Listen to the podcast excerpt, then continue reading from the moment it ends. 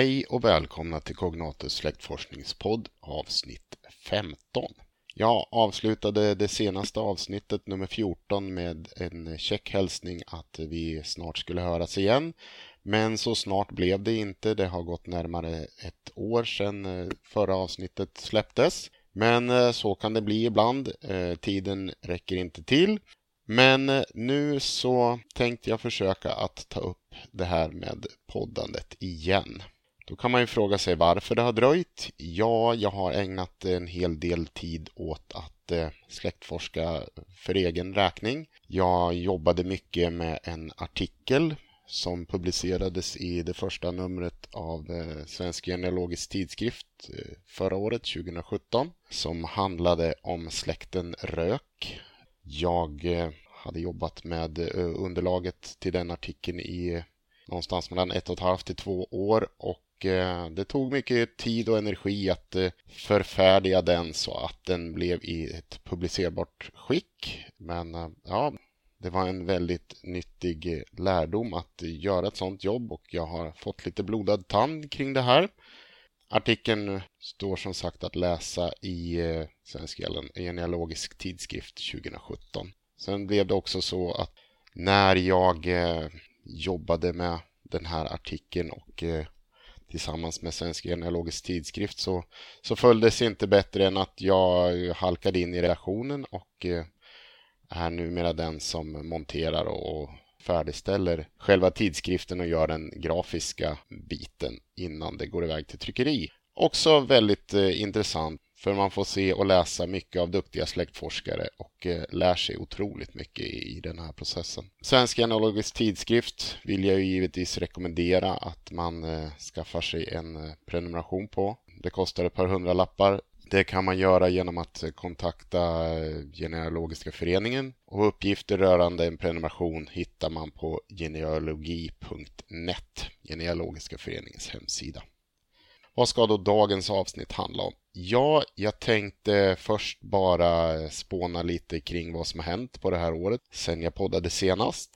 Sen får det bli ett litet inslag på ämnet källkoll. Jag startade ju upp det i förra avsnittet. Vi pratade då om Eriksbergsarkivet, autografsamlingen där. Nu tänkte jag ta upp universitetsmatriklar och prata lite om sådana som kan vara en, en intressant källa till kunskap såväl som på 1500-1600-tal och långt fram i tiden.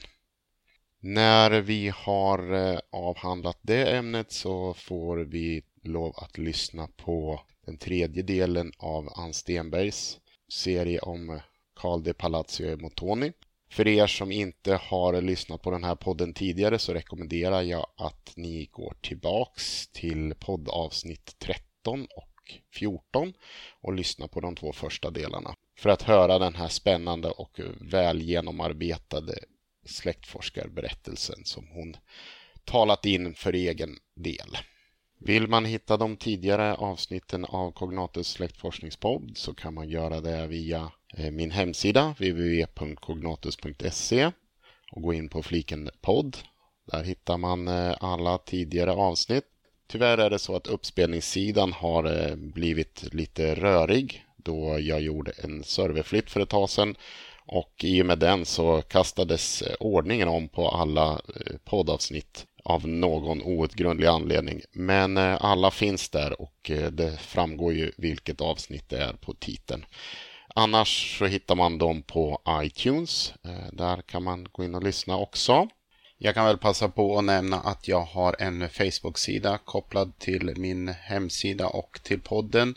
Den heter då kognatus.se som eh, handlar om eh, det jag pysslar med och vad som händer på podden och lite annat. Dessutom så finns det numera ett eh, nyuppstartat Twitterkonto som man kan följa för att läsa när saker och ting sker med podden men även lite annat smått och gott. Twitterkontot hittar du om du söker på Cognatuspodd i ett ord och med ett D i podd. Vill man komma i kontakt med mig så kan man göra det på e-post. Och då har jag e-postadressen jonas cognatus.se. Nu tänkte jag att vi pratar om universitetsmatriklar istället och eh, förkovrar oss i det ämnet. Ja, då skulle vi då ta och avhandla ett avsnitt av det jag kallar för källkoll där vi tittar lite närmare på någon form av källmaterial och idag så har eh, lotten fallit på universitetsmatriklar. Jag tänkte bara börja lite kort och berätta om universitetens historia i Sverige för att få ett litet grepp om vilka universitet vi har att eh, röra oss med. 1477 Eh, så fick då Sverige sitt första egna universitet i och med att Uppsala universitet grundades. Men den akademiska verksamheten i Sverige tog egentligen inte fart på allvar förrän en bit in på 1600-talet då Uppsala universitet efter perioder av utebliven undervisning kom igång med verksamheten på allvar. Och då det etablerades ytterligare svenska universitet i Dorpat i nuvarande Tartu i Estland. Eh, och det bildades då år 1632 och sen så kom det ytterligare ett universitet i Åbo år 1640. Sen så införlivades ett universitet i Sverige i slutet på det 30-åriga kriget år 1648 och det var universitetet i Greifswald i svenska Pommern, nuvarande norra Tyskland, som kom inom den svenska gränsen. Inte långt därefter, år 1666, så upprättades universitetet i Lund för att fylla ett behov av en plats för högre studier i den del av Sverige som tillkommit i samband med freden i Roskilde som gick av stapeln åtta år tidigare. Då. Vid de här fem universiteten studerade många unga svenska pojkar från högreståndsfamiljer, ofta adel. Men eh, det förekom även ibland att särdeles begåvade barn fått bidrag i hembyn och med goda vitsord tilldelats en plats vid något universitet. Nu var det inte heller så att det fanns svenska studenter enbart på de här universiteten som nämnts innan här, utan det var inte ovanligt att det lästes vid andra europeiska universitet i samband med att uh, unga adelsmän gav sig ut på sina utbildningsresor och några exempel på sådana här universitet är då till exempel Rostock, Wittenberg och Wien. Men även universitet i Frankrike var populära.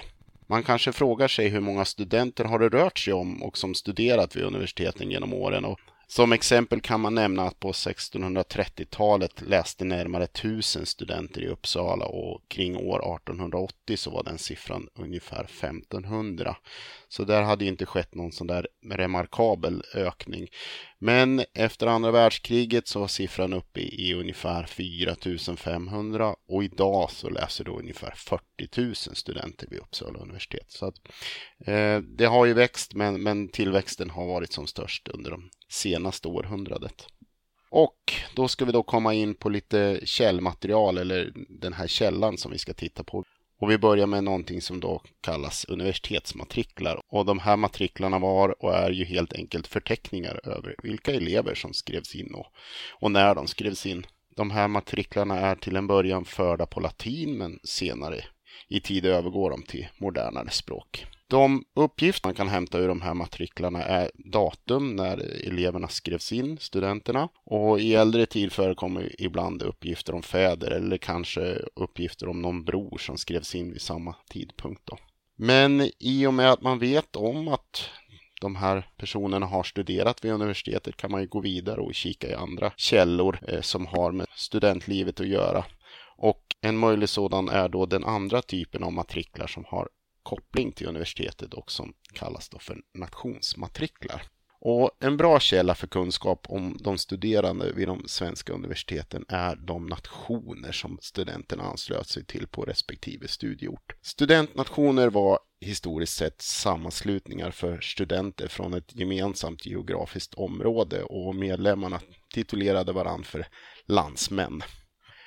Den eh, geografiska kopplingen omfattar oftast landskap eller större städer. Men andra större och mindre grupperingar har förekommit genom åren.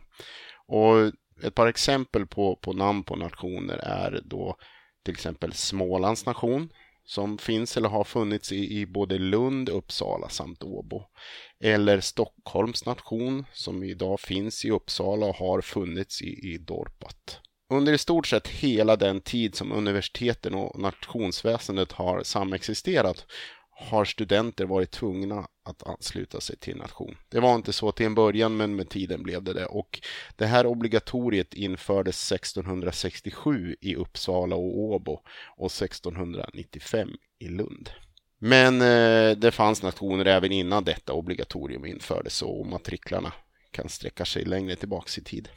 Som alltid när det rör sig om administrativa åtaganden som till exempel att se till att studenter betalar sin avgift till nationen upprättades det längder, matriklar och register och ibland som rena medlemsförteckningar och ibland i form av kassaböcker. De här källdokumenten kan vara bra komplement till universitetets motsvarande administrativa förteckningar. En fördel som nationsförteckningarna dock har jämfört med universitetets handlingar är den förkärlek som funnits för att dokumentera och framhäva studenternas ursprung, släktskap och med andra nationsmedlemmar, landsmäns lyckade karriärer med mera. Då.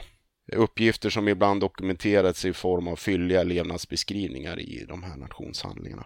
Men var hittar man dessa olika matriklar och vad finns det för hjälp att få i sökandet? Ja, om vi börjar med de två universitet som ligger närmast till hands, eh, Uppsala och Lunds universitet, så finns originalvolymerna i respektive stad. Uppsala universitets matriklar finns i Uppsala universitets arkiv. Man hittar förteckningar och kontaktuppgifter på deras webbplats och den hittar man enklast genom att googla på orden Uppsala universitets arkiv. Där hittar man förteckningar och kontaktuppgifter. Arkivet som sådant finns deponerat både på Universitetsberlina Rediviva där det äldre materialet finns och i universitetshuset för nyare material. Nationsmatriklarna finns i respektive nationsarkiv och de här arkivens äldre material är även de deponerade på universitetsbiblioteket Carolina Rediviva. Arkiven, de här nationsarkiven är ganska väl förtecknade i den katalog som kallas den ämnesindelade handskriftssamlingen som finns tillgänglig på bibliotekets webbsida. Och jag har lagt upp en länk till den här katalogen på cognatus.se i anslutning till informationen om det här poddavsnittet.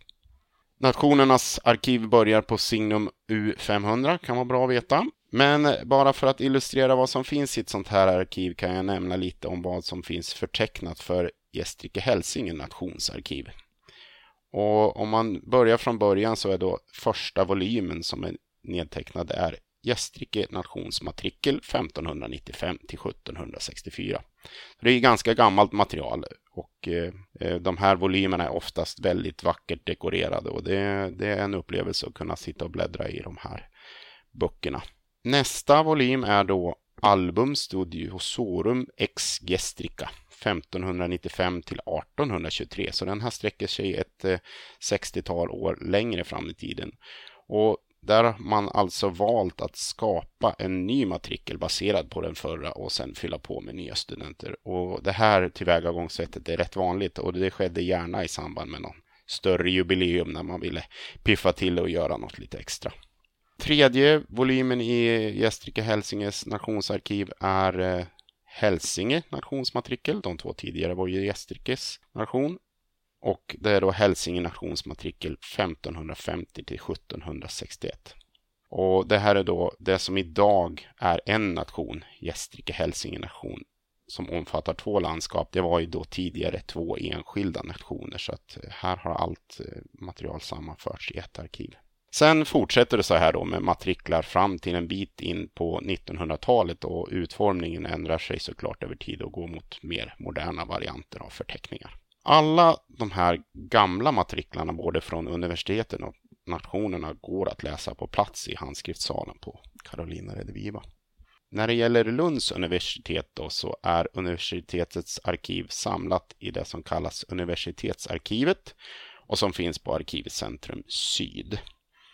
Där finns också de flesta av de allra äldsta nationshandlingarna från 1600-1700 och stora delar av 1800-talet. Men enstaka, bland annat Kalmars nationsarkiv finns på Akademiska föreningens arkiv och studentmuseum som också har merparten av de halvgamla matriklarna som, som kommer då från sent 1800-tal och 1900-tal. När det sen kommer till utomsvenska, idag utomsvenska akademiska lärosäten så Kungliga Akademin i Åbos matriklar, där ser det lite annorlunda ut. De äldsta studentmatriklarna från åren 1640 till 1817, de brann upp 1827. Men eh, för att råda bot på det inträffade så gjordes ett försök i slutet av 1800-talet att rekonstruera matrikeln och det var en Wilhelm Lagus som gjorde det här. Då. Och med hjälp av material som hade räddats undan branden gav han i slutet på 1800-talet ut Åbo Akademis studentmatrikel ånyo upprättad. Men eh, på grund av källmaterialets brister så föranledde det att under årens lopp så har eh, kompletterande verk getts ut för att eh, rätta fel och så. Men numera så finns en webbversion av matrikeln som omfattar åren 1640 till 1852. Och jag lägger till en sån länk till den till poddavsnittets info så hittar ni dit. Och hur det ligger till med originalhandlingar för de övriga svenska äldre universiteten i Dorpat och Greifswald eller de många andra universiteten i Europa där svenska ynglingar läste är jag rätt dåligt insatt i. Men nu är det som tur är så att man behöver inte ha den kollen för att nå väldigt långt i alla fall. För något som har skett rörande alla dessa matriklar som varit på tal är att det har publicerats avskrifter av i stort sett allt under årens lopp. Universitetsmatriklar och nationsmatriklar i bokform har getts ut gång på gång. Det finns några matriklar som återstår, det, det gör det helt klart. Till exempel de äldsta varianterna av Gästrike Hälsinge nation som jag var inne på tidigare. Men dessa böcker kan man söka fram med hjälp av Kungliga bibliotekets katalog som man hittar på libris.kb.se och om man nu inte bor på en ort med ett välsorterat bibliotek kan man ju kontakta sitt lokala bibliotek och försöka lösa det via fjärrlån. Men ibland behövs inte ens det eftersom ett flertal av de här böckerna finns digitaliserade och tillgängliga på nätet. Till exempel så hittar man några verk på min webbsida www.cognatus.se. Mycket från Lunds universitet till exempel. En annan användbar resurs på nätet när det gäller det här med universitetsmatriklar är den wiki-artikel som finns på tyska webbsidan genealogy.net och jag har lagt en länk till, även till den i poddinfon. Där finns då drygt 70 europeiska universitet listade och med information och länkar till digitaliserade utgåvor av deras matriklar. Väldigt, väldigt användbart. I många fall avancerade sökfunktioner för att kunna hitta rätt i det här materialet. Och med den informationen så avrundar jag den här källkollen som handlat om universitetsmatriklar och går vidare med nästa avsnitt i Ann Stenbergs serie om Carl de Motoni e Palacios liv. Som ni som hört det första avsnittet fått vänta ganska länge på. Men nu kommer det.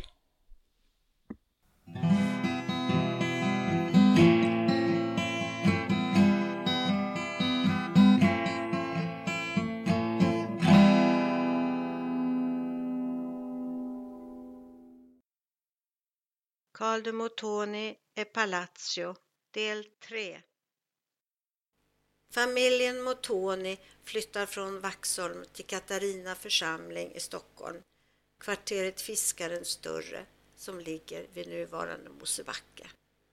Pauline och hennes mamma kommer snart flytta tillbaka till Skåne. De kommer att bo hos Antoinettes syster och hennes man i östra Ringarp som ligger nära Örkelljunga. År 1831 har Carl de Motoni en ny idé. Han vill tillsammans med en major von Moltzer starta en så kallad Petit Post i Stockholm. För att kunna bedriva denna näring måste man få tillstånd och privilegier från Kunglig Majt, vilket Motoni och Moltzer sökte och fick. Petit Post var ungefär det som fanns i London och Paris, Penny Post, det vill säga springpost, någon som sprang med brev lokalt inom staden.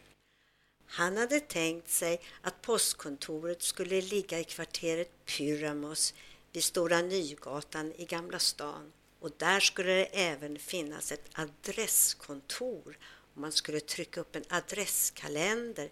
Det skulle vara en lämplig plats att ha ett postkontor på eftersom det låg precis vid Munkbron som var Gamla stans största handelstorg.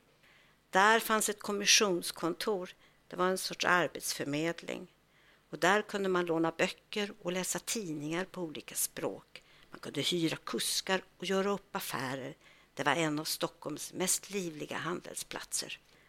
Petit Postföretaget gav ingen vinst och det är tveksamt om det var verksamt mer än ett år. Karl har nya kontakter och verkar vara mycket aktiv. Till huset nummer 9 på Stora Nygatan i Pensionskassans hus har 1829 flyttat en tullare vid namn Israel av Ekenstam med sina två döttrar. Motoni har hört talats om att krogverksamheten på Blockhusudden där Israel av Ekenstam var tullare och hade bedrivit kafé, går att arrendera och eftersom en Motander varit ombud för Motoni i en rättegång skriver han ett brev och förordar att änkan till Motander ska få arrendera krogen. Och han skriver till chefen för tullinspektionen, Karl Otto Mörner.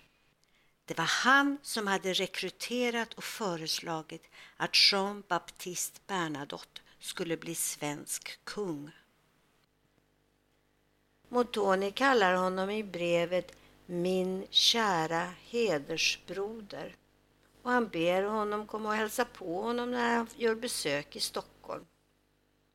Han skriver på slutet av brevet Många saker har jag att berätta som kunde vara av stort intresse för min käre bror. Somliga har erfarit stora mäns karaktärsombytlighet. Vad menade Karl Motoni med det? Hur som helst är det uppenbart att Karl har skrivit brevet själv på svenska. Tidigare har han skrivit på franska till kungen. Han stavar inte svenska språket helt korrekt. Antoinettes far har dött 1830 och eftersom hennes bror Fredrik Ludvig, också handelsman i Lübeck, har förklarat för sig att Karl de Motoni inte har kunnat försörja familjen anses äktenskapskontraktet vara brutet. Det måste bli en skilsmässa så att Antoinette kan gifta om sig och bli försörjd.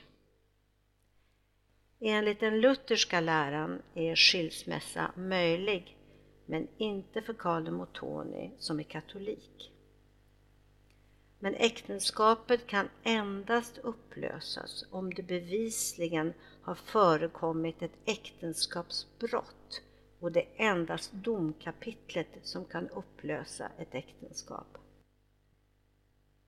Den 1 augusti 1832 besöker Karl de Motoni Katarina kyrka och låter pastor Winter honom konvertera från katolska till den rena lutherska läran.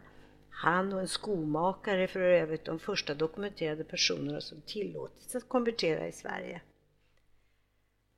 Och fyra dagar efter skrivs på Gällöfsta gård, som Karl nu arrenderar, ett skuldbrev där Motoni skriver med egenhändig underskrift att han förbinder sig att årligen utbetala till sin hustru Antoinette en summa av 200 riksdaler banco i händelse av att han lagligen blir skild från sin hustru Antoinette Schön och så länge hon lever.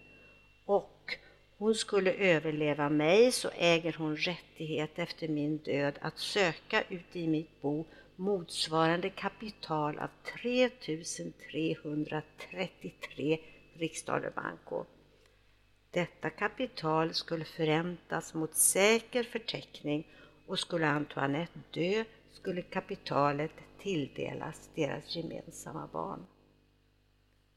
Handlingen är undertecknad handlande G Fagerström. Han var rådman och färghandlare i Ängelholm och Antoinettes bror Fredrik Ludvig Schön, grosshandlare.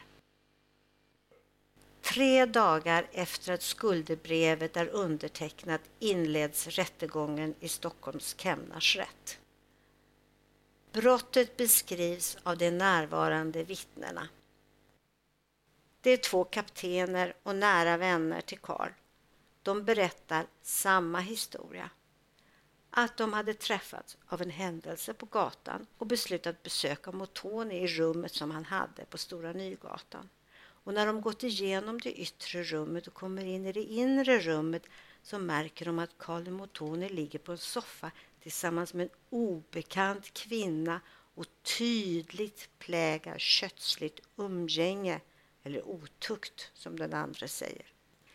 Karl hade genast stigit upp när de kom in i rummet och kvinnan hade med bortvänt ansikte och halsduken neddragen för ansiktet hastigt avlägsnat sig. Vittnena hade inte kunnat få tillfälle se hennes ansikte då hon kom ut genom porten och vandrade bort på Stora Nygatan. Karl de Motoni erkänner allt som anfördes honom till last och han önskar själv få vårda och på egen bekostnad uppfostra de gemensamma barnen.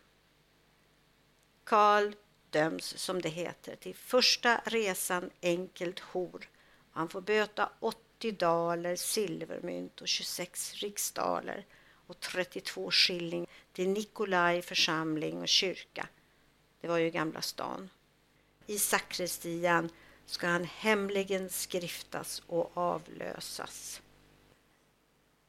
Eftersom skilsmässan gick så snabbt och smidigt kan man misstänka att berättelsen om horsbrottet var uppgjort mellan parterna så att en laglig skilsmässa skulle kunna komma till stånd. Antoinette de Motoni gifte aldrig om sig. En knapp månad efter det att skilsmässan vunnit laga kraft vigs Karl de Motoni i Jakob Johannes kyrka med Anna Katarina Odar. Hon kommer kallas Karina eller Katarina. Enligt berättelsen skulle Karl Fredrik inte veta om att fadern skulle gifta sig. Han fick order om att ta på sig sin uniform och vara med vid vigseln strax innan. Och Viktor, han som det hette, ställde sig plötsligt sjuk och kunde inte delta i vigseln. Och han lär ha vägrat att kalla Karin för mor och hotat med att om han tvingades till det så skulle han dränka sig i en damm. Vem var då Karina Odar? Jo, hon var åtta år yngre än Carlo Mottoni och fosterdotter till en lagman Johan Gustav Odar. Hennes far var sannolikt Johan Gustav Odars bror och hennes mamma hette Kristina Lindfors. När Karina vigdes fick Karl var Johan Gustav Odar en ganska gammal och skröplig man. Han hade varit lagman men fått avsked från sin tjänst på det som nu motsvarar Riksgäldskontoret på grund av oegentligheter för egen vinning. Sen hade han sökt sig till bokbranschen, startat ett förlag i Uppsala.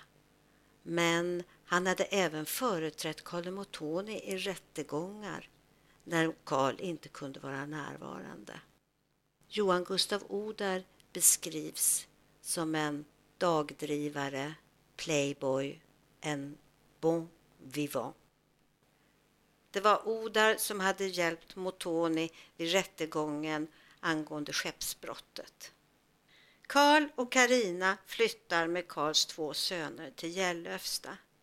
Men redan året efter har de flyttat därifrån in på Kungsholmen i samma kvarter som Odar bor.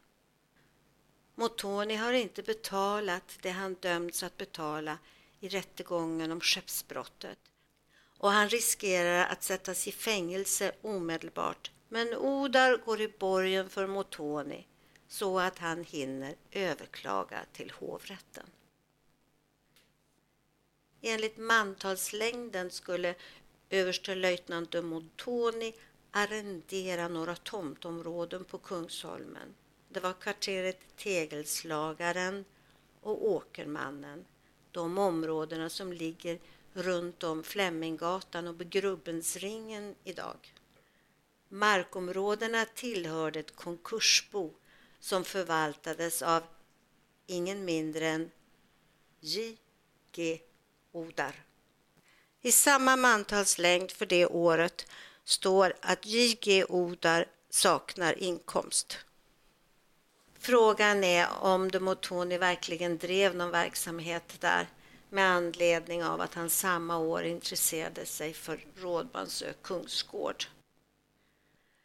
Sonen Viktor som nu är 14 år och medlem av Stockholms sjömanshus mönstrar på en båt och går till sjöss. Och Karl Fredrik som är färdig kadett flyttar till Svea artilleriregemente på Ladugårdslandet. De två bröderna kom inte att träffas igen. Karl Fredrik har berättat att när han ännu var kadett på Karlberg så stod han och pratade med några vänner på stan när Viktor kom. Karl Fredrik hade varit generad över Viktors usla kläder och bett honom uträtta något ärende för att bli av med honom. Och det hade Viktor förstått. Och sen när Karl Fredrik hade tittat efter honom hade Viktor stått och sett på honom med en underlig blick som Karl Fredrik aldrig skulle glömma.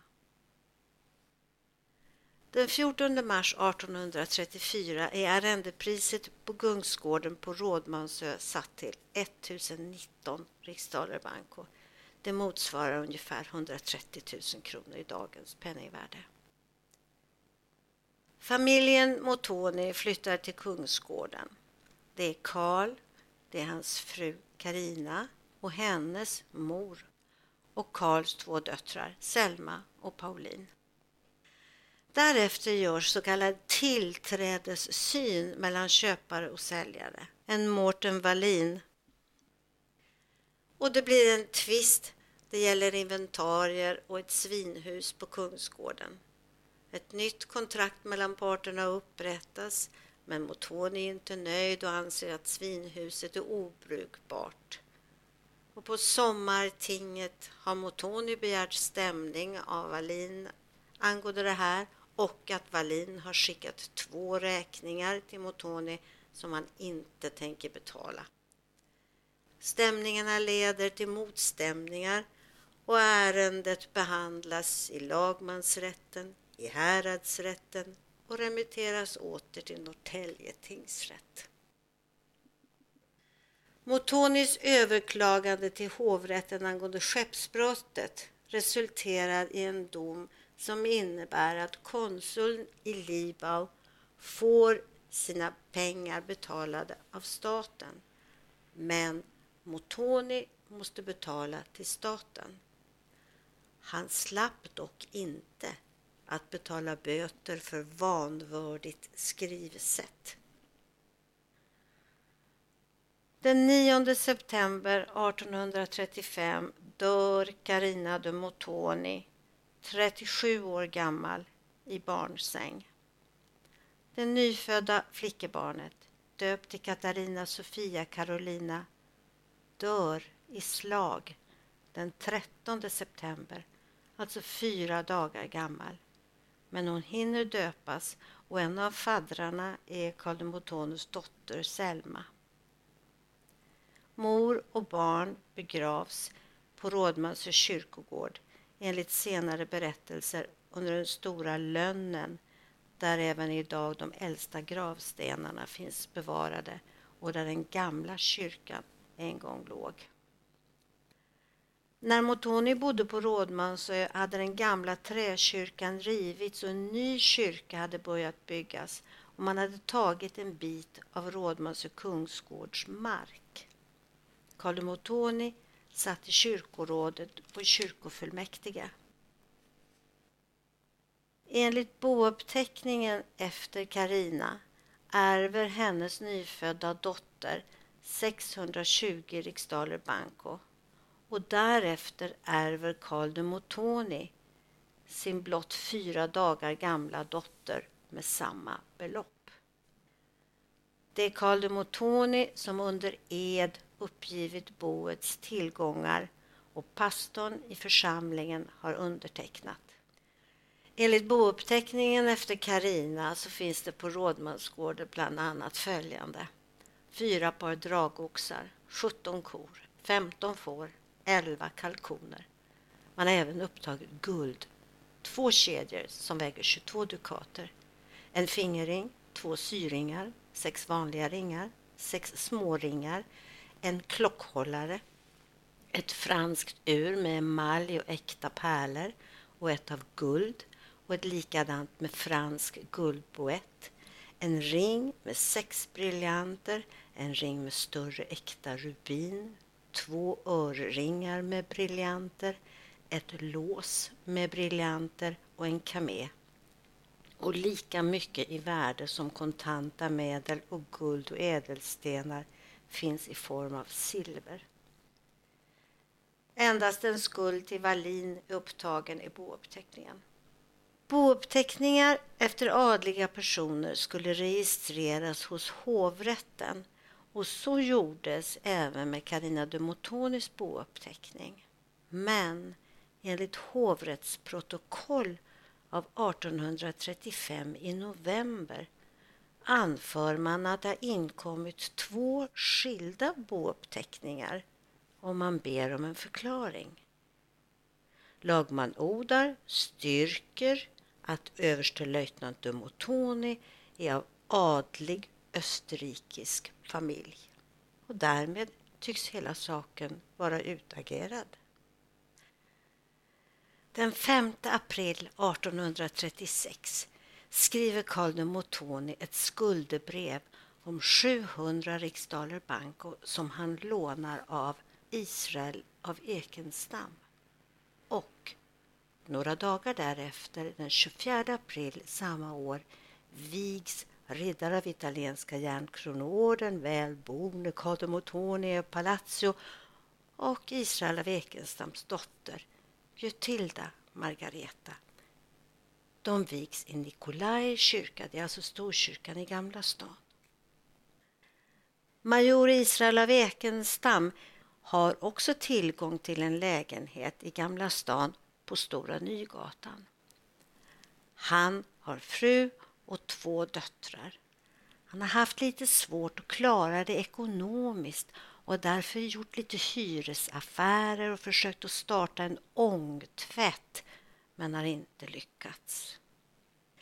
Israel skriver till sin bror Fabian Wilhelm som är magister, professor och kyrkoherde i Stora Tuna församling att han tänker göra affärer med Motoni. Fabian Wilhelm undrar vem Karl de Motoni är och Israel svarar att han är en redig man och han kan göra vilken kvinna som helst lycklig. Fabian Willem kommer till Stockholm för att viga Jutilda och Karl de Motoni. Men innan det sker så ber han Jutilda gå ner i sakristian med Karl för där ska de teckna ett äktenskapsförord. Och de gör det strax innan vigseln. Och så flyttar till Rådmansö kungsgård Israel av Ekenstam, hans fru Anna Maria Lostbom, deras dotter Edla och Jutilda som nu är gift, de Motoni. Och där bor redan Karl de Motonis dotter Selma och hans före detta svärmor. Motoni lärde känna den adliga familjen Ridderstad de ägde godset Riddersholm på Rådmansö. De två familjerna har en hel del att göra med varandra. Motoni skriver på bouppteckningar åt Ridderstad och bevittnar andra handlingar. Och Motoni lägger sig också i en ny väg som ska dras till Kappelskär, inte långt från Riddersholm. Han sitter nu i kyrkofullmäktige och står på böndernas sida och skriver att bönderna inte kan ta hand om den nya vägen eftersom de måste skotta på vintern. Någon i familjen Ridderstad har berättat i en nedtecknad intervju gjord någon gång på 1930-talet följande. Överstelöjtnant Karl de Motoni var född i Ofen 1790 och han dog 11 februari 1837. Han följde Bernadotte på dennes fälttåg samt kom ensam till Sverige på samma gång som Bernadotte men dock som det tycktes alldeles mot dennes vilja. De vore ovänner och kungen avlägsnade honom från hovet i Stockholm men gav honom dock upprepade gånger penninggåvor.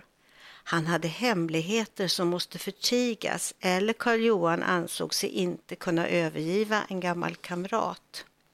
Han hade först en kungsgård i Skåne och sen en på Rådmansö och hans hustru var Anna Katarina Odar som dog i september 1835 och han gifte om sig med en fröken Jutilda Margareta Ekenstam. Hon var en synnerligen kraftfull kvinna samt ytterligt svartsjuk på sin man. Motoni var såsom sydlänning häftig och hade ett uppbrusande lynne. Äktenskapet var olyckligt och ekonomiska svårigheter tillstötte. Motoni yttrade flera gånger sin avsikt att göra slut på livet. På Kungsgården fanns en stor och präktig piga som skulle vara föremål för fruns misstankar. Det med vilken rätt förtäljer icke historien. Då pigan en dag skulle hämta vatten i brunnen råkade hon tappa locket i kopparkitteln ner i vattnet. Motoni såg olyckshändelsen och sa till henne att hon inte skulle tala om det för frun så skulle han nog skaffa ett nytt lock. Denna historia kom till fruns öron och hon ställde till med mycket bråk och uppträden. Nu var måttet rågat. Motoni beslöt att dö. Han bad sin vän Ridderstad att hålla sig beredd och komma när han kallats samt sätta på en ring som han alltid bar på fingret och som påstods innehålla en dosis aqua tofana. Och mycket riktigt, inom fem dagar kom bud. Motoni sover. Enligt den här intervjun med Ridderstad skulle Motone alltså ha tagit livet av sig med hjälp av arsenik som han fick av Ridderstad. Men så fortsätter Ridderstads berättelse på det här sättet. Självmordshistorien tycks icke ha blivit officiellt känd ty Motoni fick vila vid sin släkts sida på Rådmansö kyrkogård. Men historien har spridit sig. Den tycks vara allmänt känd på Rådmansö. Möjligt är dock att historien beror på Ridderstads lösmynthet. Till saken hör att självmördare inte fick bli begravda inom kyrkogårdens murar. Sommaren 1836 blev Motoni stämd av Djurbergs hustru Karin Jonsdotter för att hon inte fått utlovad ökning av sin lön som ladugårdspiga och inte heller ett par kängor och Djurberg själv anser att han i löneförmån skulle ha fått ett par förskodda stövlar intjänade under föregående år. Och vittnet Klockare Hermansson anser inte att hans hustru har fått pengar och Djurberg anser att han inte har fått något läder av Demotoni.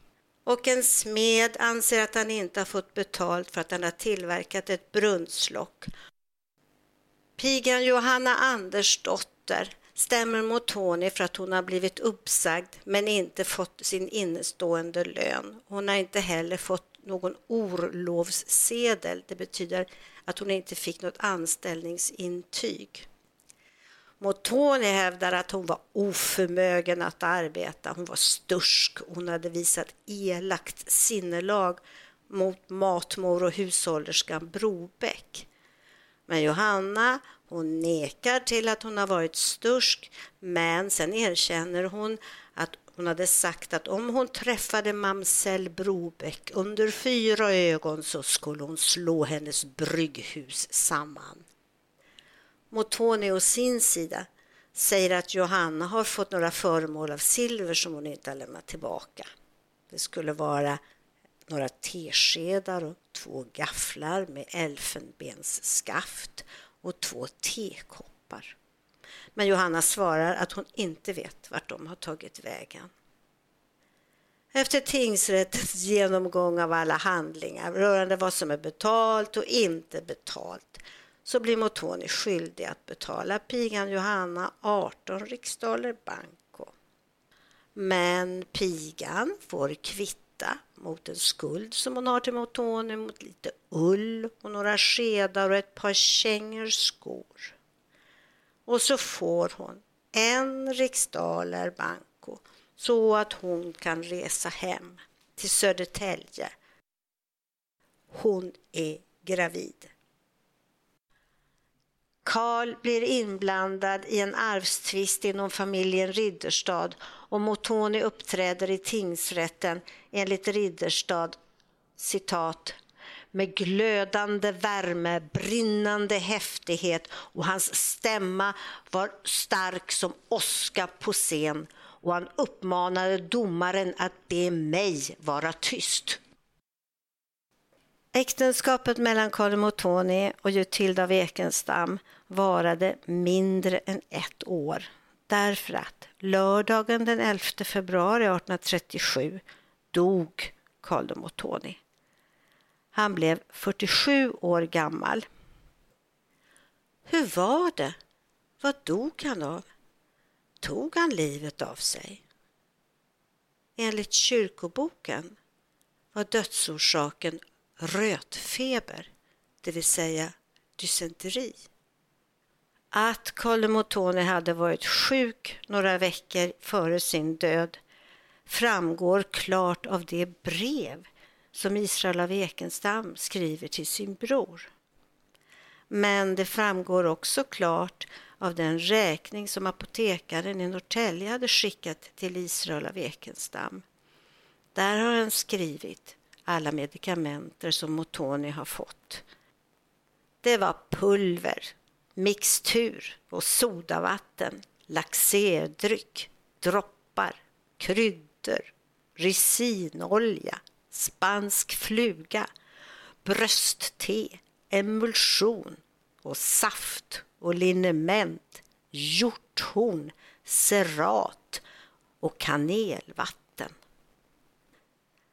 Alla på Rådmansö kungsgård måste ha förstått att Karl Bontoni inte hade långt kvar att leva. Man anställde en sjukvakterska. Och Israel av Ekenstam och Odar som kommer dit skriver flera handlingar och överenskommelser angående övertagande av arrendet på Rådmansö och skulder till varandra och växlar. Och Karl undertecknar en handling som ger Oda rätt till livränta på 200 riksdaler banco per år. Dagen innan begravningen skriver Israel av Ekenstam till sin bror. Vår Herres vägar är underliga. Den starke mannen Dumotoni tog avsked av världen sistlidne lördagen den elfte och Jutilda går nu väntande att i dessa dagar framföda ett faderlöst barn. Jutilda hade rest till Stockholm. Israel reser till henne och han skriver till sin bror. Jutilda förlösts, gudskelov med ett välskapt flickebarn åtta dagar efter mannens död den 19 februari klockan tre på morgonen. Jutilda anhåller om att få teckna sig som fadder för sin flicka som idag genom det heliga dopet erhåller namnet Maria Margareta. Det nyfödda barnet Maria får många faddrar. Det är Röslein och det är Selma, Karls äldsta dotter. Hon är ju faderslös. Det är vinter och Israel av Ekenstam arrangerar begravningen i Rådmansö kyrka. Han betalar skjuts till Karl Fredrik som reser från Stockholm till Norrtälje för att komma på sin fars begravning. Han betalar för gravens iordningställande för material till en likkista som ska tillverkas och till likplåtarna. En likplåt var en hamrad och målad plåt som föreställde adelsvapnet och som man la ovanpå kistan. Israel hade med sig sorgesaker som han hade köpt på torghandel i Stockholm och i Norrtälje hade han också köpt sorgkonfekt Han hade köpt svarta strumpor och chaletter till kvinnorna och han hade med sig arrak, Malaga, sikrom och russin och rött vin. Begravningsakten sker i Rådmansö kyrka och Karl sänks ner i en kista intill den stora lönnen strax till höger om ingången till kyrkogården. Och så blir det inventering av Rådmansö kungsgård inför bouppteckningen. Karls äldsta dotter Selmar flyttar därifrån och hon flyttar till Tyskland. Israel beklagar sig och skriver till sin bror att han nu måste ta över arrendet av kungsgården och han anser att alla som arbetar där är ett pack och ber brodern skicka en ordentlig stalldräng till honom. I bouppteckningen står antecknat vilka som är Karl de Motonis barn. Det är Karl Fredrik, Selma, Pauline och Viktor som det står vilken för några år sedan utgick till sjöss men sedermera inte på fyra års tid avhörts. Och så är det ju Tilda, Karl de Motonis änka. Eftersom hon är kvinna är hon inte myndig och därför får hennes far Israel av Ekenstam företräda henne. Det står i bouppteckningen att man öppnade Motonis chiffonjé.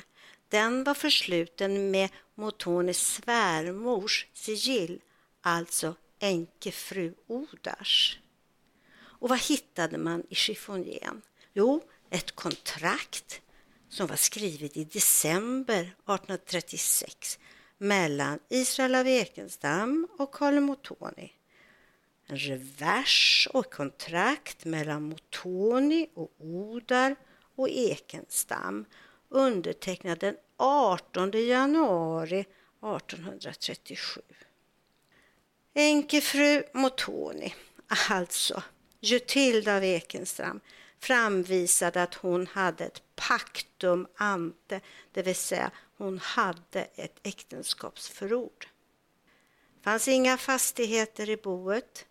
Kontanta penningar var tre riksdaler banco och 15 skillingar. Det fanns en fin kedja med en tjäderring, ett franskt ur med guldnyckel, två sigill, ett med karneol och ett med spelinvention. Tre släta guldringar, två bröstnålar och ett porträtt innefattat i guld med äkta pärlor. En kamé till ett värde av totalt 153 riksdaler banco. Och silver bestående av mest matsilver, några enligt tidens mode med porfyrskaft, en klädborste, rakborste, ett gäddrag till ett värde av 376 riksdaler banco. Noteras att han hade kalsonger, sommarbyxor, silkesstrumpor, en svart spännhalsduk, tre par diverse stövlar, varav ett med klacksporrar och galoscher. Bouppteckningen består allt som allt av 15 sidor med noteringar av samtliga inventarier och bohag och naturaprodukter och kreatur. Allt det som fanns på stora gårdar finns med, till exempel handkvarn, mangel, spinnrockar, spolrockar, häckler, kister, bakbord, vågbalans, sophinkar och järnband. Det som kanske tillhörde just Karl var en värja, en sabel, två porteporté, det vill säga hölster, två uniformsfrackar, ett par epauletter, det var ju axelbeklädnad, med fodral, en uniformskappa, en fårskinnspäls, en jetonglåda, åtta alnar ordensband, ett par glasögon och två ögonglas, ett skrivtyg i brons, ett schackspel, en bössa, en flöjt av ebenholts och en annotationsbok med blyertspenna försedd med guldknapp. Det fanns en chiffonier i mahogny med stenskiva som skulle ha tillhört fröken Selma de Montoni och det fanns också en ring som tillhörde henne. Hon hade fått den av sin far. Jutilda hade medfört till boet, förutom sina vanliga gångkläder och nipper, ett fortepiano med ljusstakar av malm och en ljussax av stål. Ett klädskåp och sex par tvåmanslakan och sex par enmanslakan och lite linne och en rödmålad vattenså och hon ville behålla sin förlovningsring. Enligt bouppteckningen var boets fordringar en revers av någon Österberg i Åkerö på fem riksdaler banco och 180 aktier i Södra Eldkvarn i Stockholm till ett totalt värde av 75 riksdaler banco. Skulder förutom begravningskostnad, läkarlön och kostnad för medicin och kyrkoherden Nordströms lön och likstol och de fattigas andel och så vidare uppgick till följande. Frånskilda frun Antoinette Sjöns fordran som nu med ränta uppgår till 3 918 riksdaler banco 41 skilling. Inspektör Wallins stärbhus 1209 riksdaler banco och fortsättningsvis bara riksdaler banco Israel av Ekenstam 317 Herr Lagman Odar 5500 grosshandlare Suber i Stockholm sedan 1833 1750 totalt med ränta 3622. Förresten så har Suber fått säkerhet i alla inventarier på Råtmansö. Sjukvakterskan Tidevall 14, smeden Vindruvas i Vaxholm 50, kopparslagaren Nygren i Norrtälje 91, handlaren Lorentz i Norrtälje 19, postinspektören Lindstedt i Norrtälje 6, Anders Mattsson i Knutby för vägens underhåll 38. Efter avdragna tillgångar finns i boet överhuvudtaget ingenting. Skulderna uppgår till en summa av 15 752 riksdaler banco och en skilling. I oktober 1837 annonseras i Post och inrikestidningar att det blir auktion efter avlidne överstelöjtnanten Karl de Motoni på Rådmansö. Och det kommer att bli tre auktioner där. Och fler borgenärer inkommer med begäran om förmånsrätt och de bilägger bevittnade handlingar och Odar hävdar att Israel av Ekenstam har satt sig i besittning av Rådmansö kungsgård obehörigen och att han har rätt till arrendet. Och det blev anledning till att de stämde varandra i Norrtälje tingsrätt. Och Kronofogden begär att dödsboet ska betala den skuld som Karl Motoni hade till staten när det gällde skeppsbrott och det uppenbarar sig att det finns andra lån Motoni inte har betalat från 1828. Det gäller ett banklån som Motoni och Toll tagit för flygsandsodlingen i Skåne och en borgensförbindelse mellan Motoni och Röslein och något lån som är registrerat i Lidköpings rådhusrätt. Det måste ha hjälpt den tid han var på Gammelstorp. Han har tydligen en skuld till grosshandlare Silber i Stettin. Det är han som kommer att bli hans dotter Selmas man. Och han har skulder till sin första frus bror Schön i Lübeck.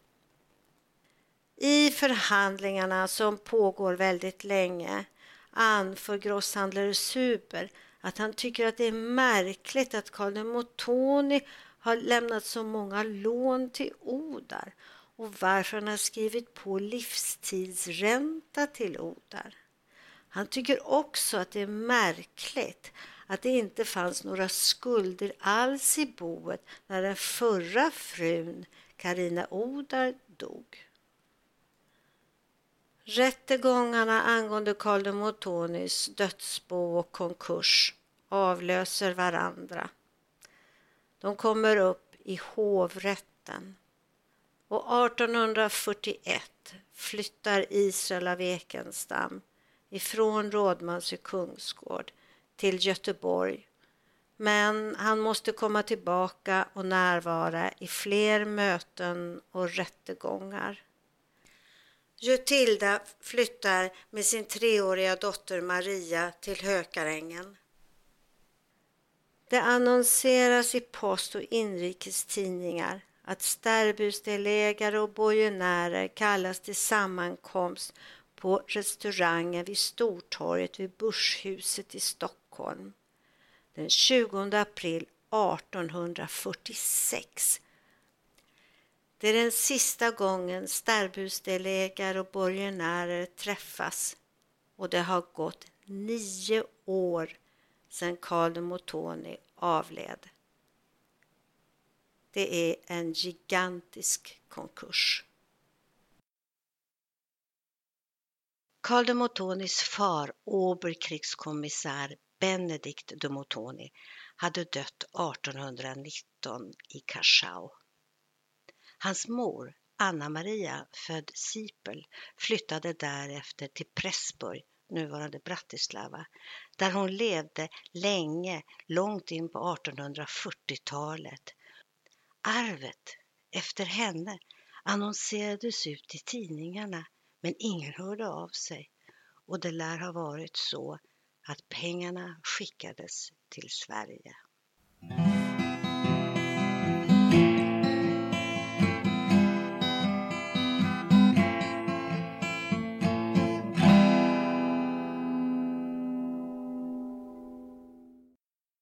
Det var alltså den tredje och näst sista delen av Ann Stenbergs berättelse om eh, Carl de Montoni Palacios liv. Och det avrundar det här, det femtonde avsnittet av Cognatus släktforskningspodd. Skicka gärna ett mejl som sagt till jonas.cognatus.se eller följ mig på Twitter eh, Cognatuspodd i ett ord och med ett D i podd. Så, så ska det nog inte dröja allt för länge tills vi hörs nästa gång. Jag som har gjort det här heter Jonas Magnusson och eh, vi hörs snart igen. Thank you.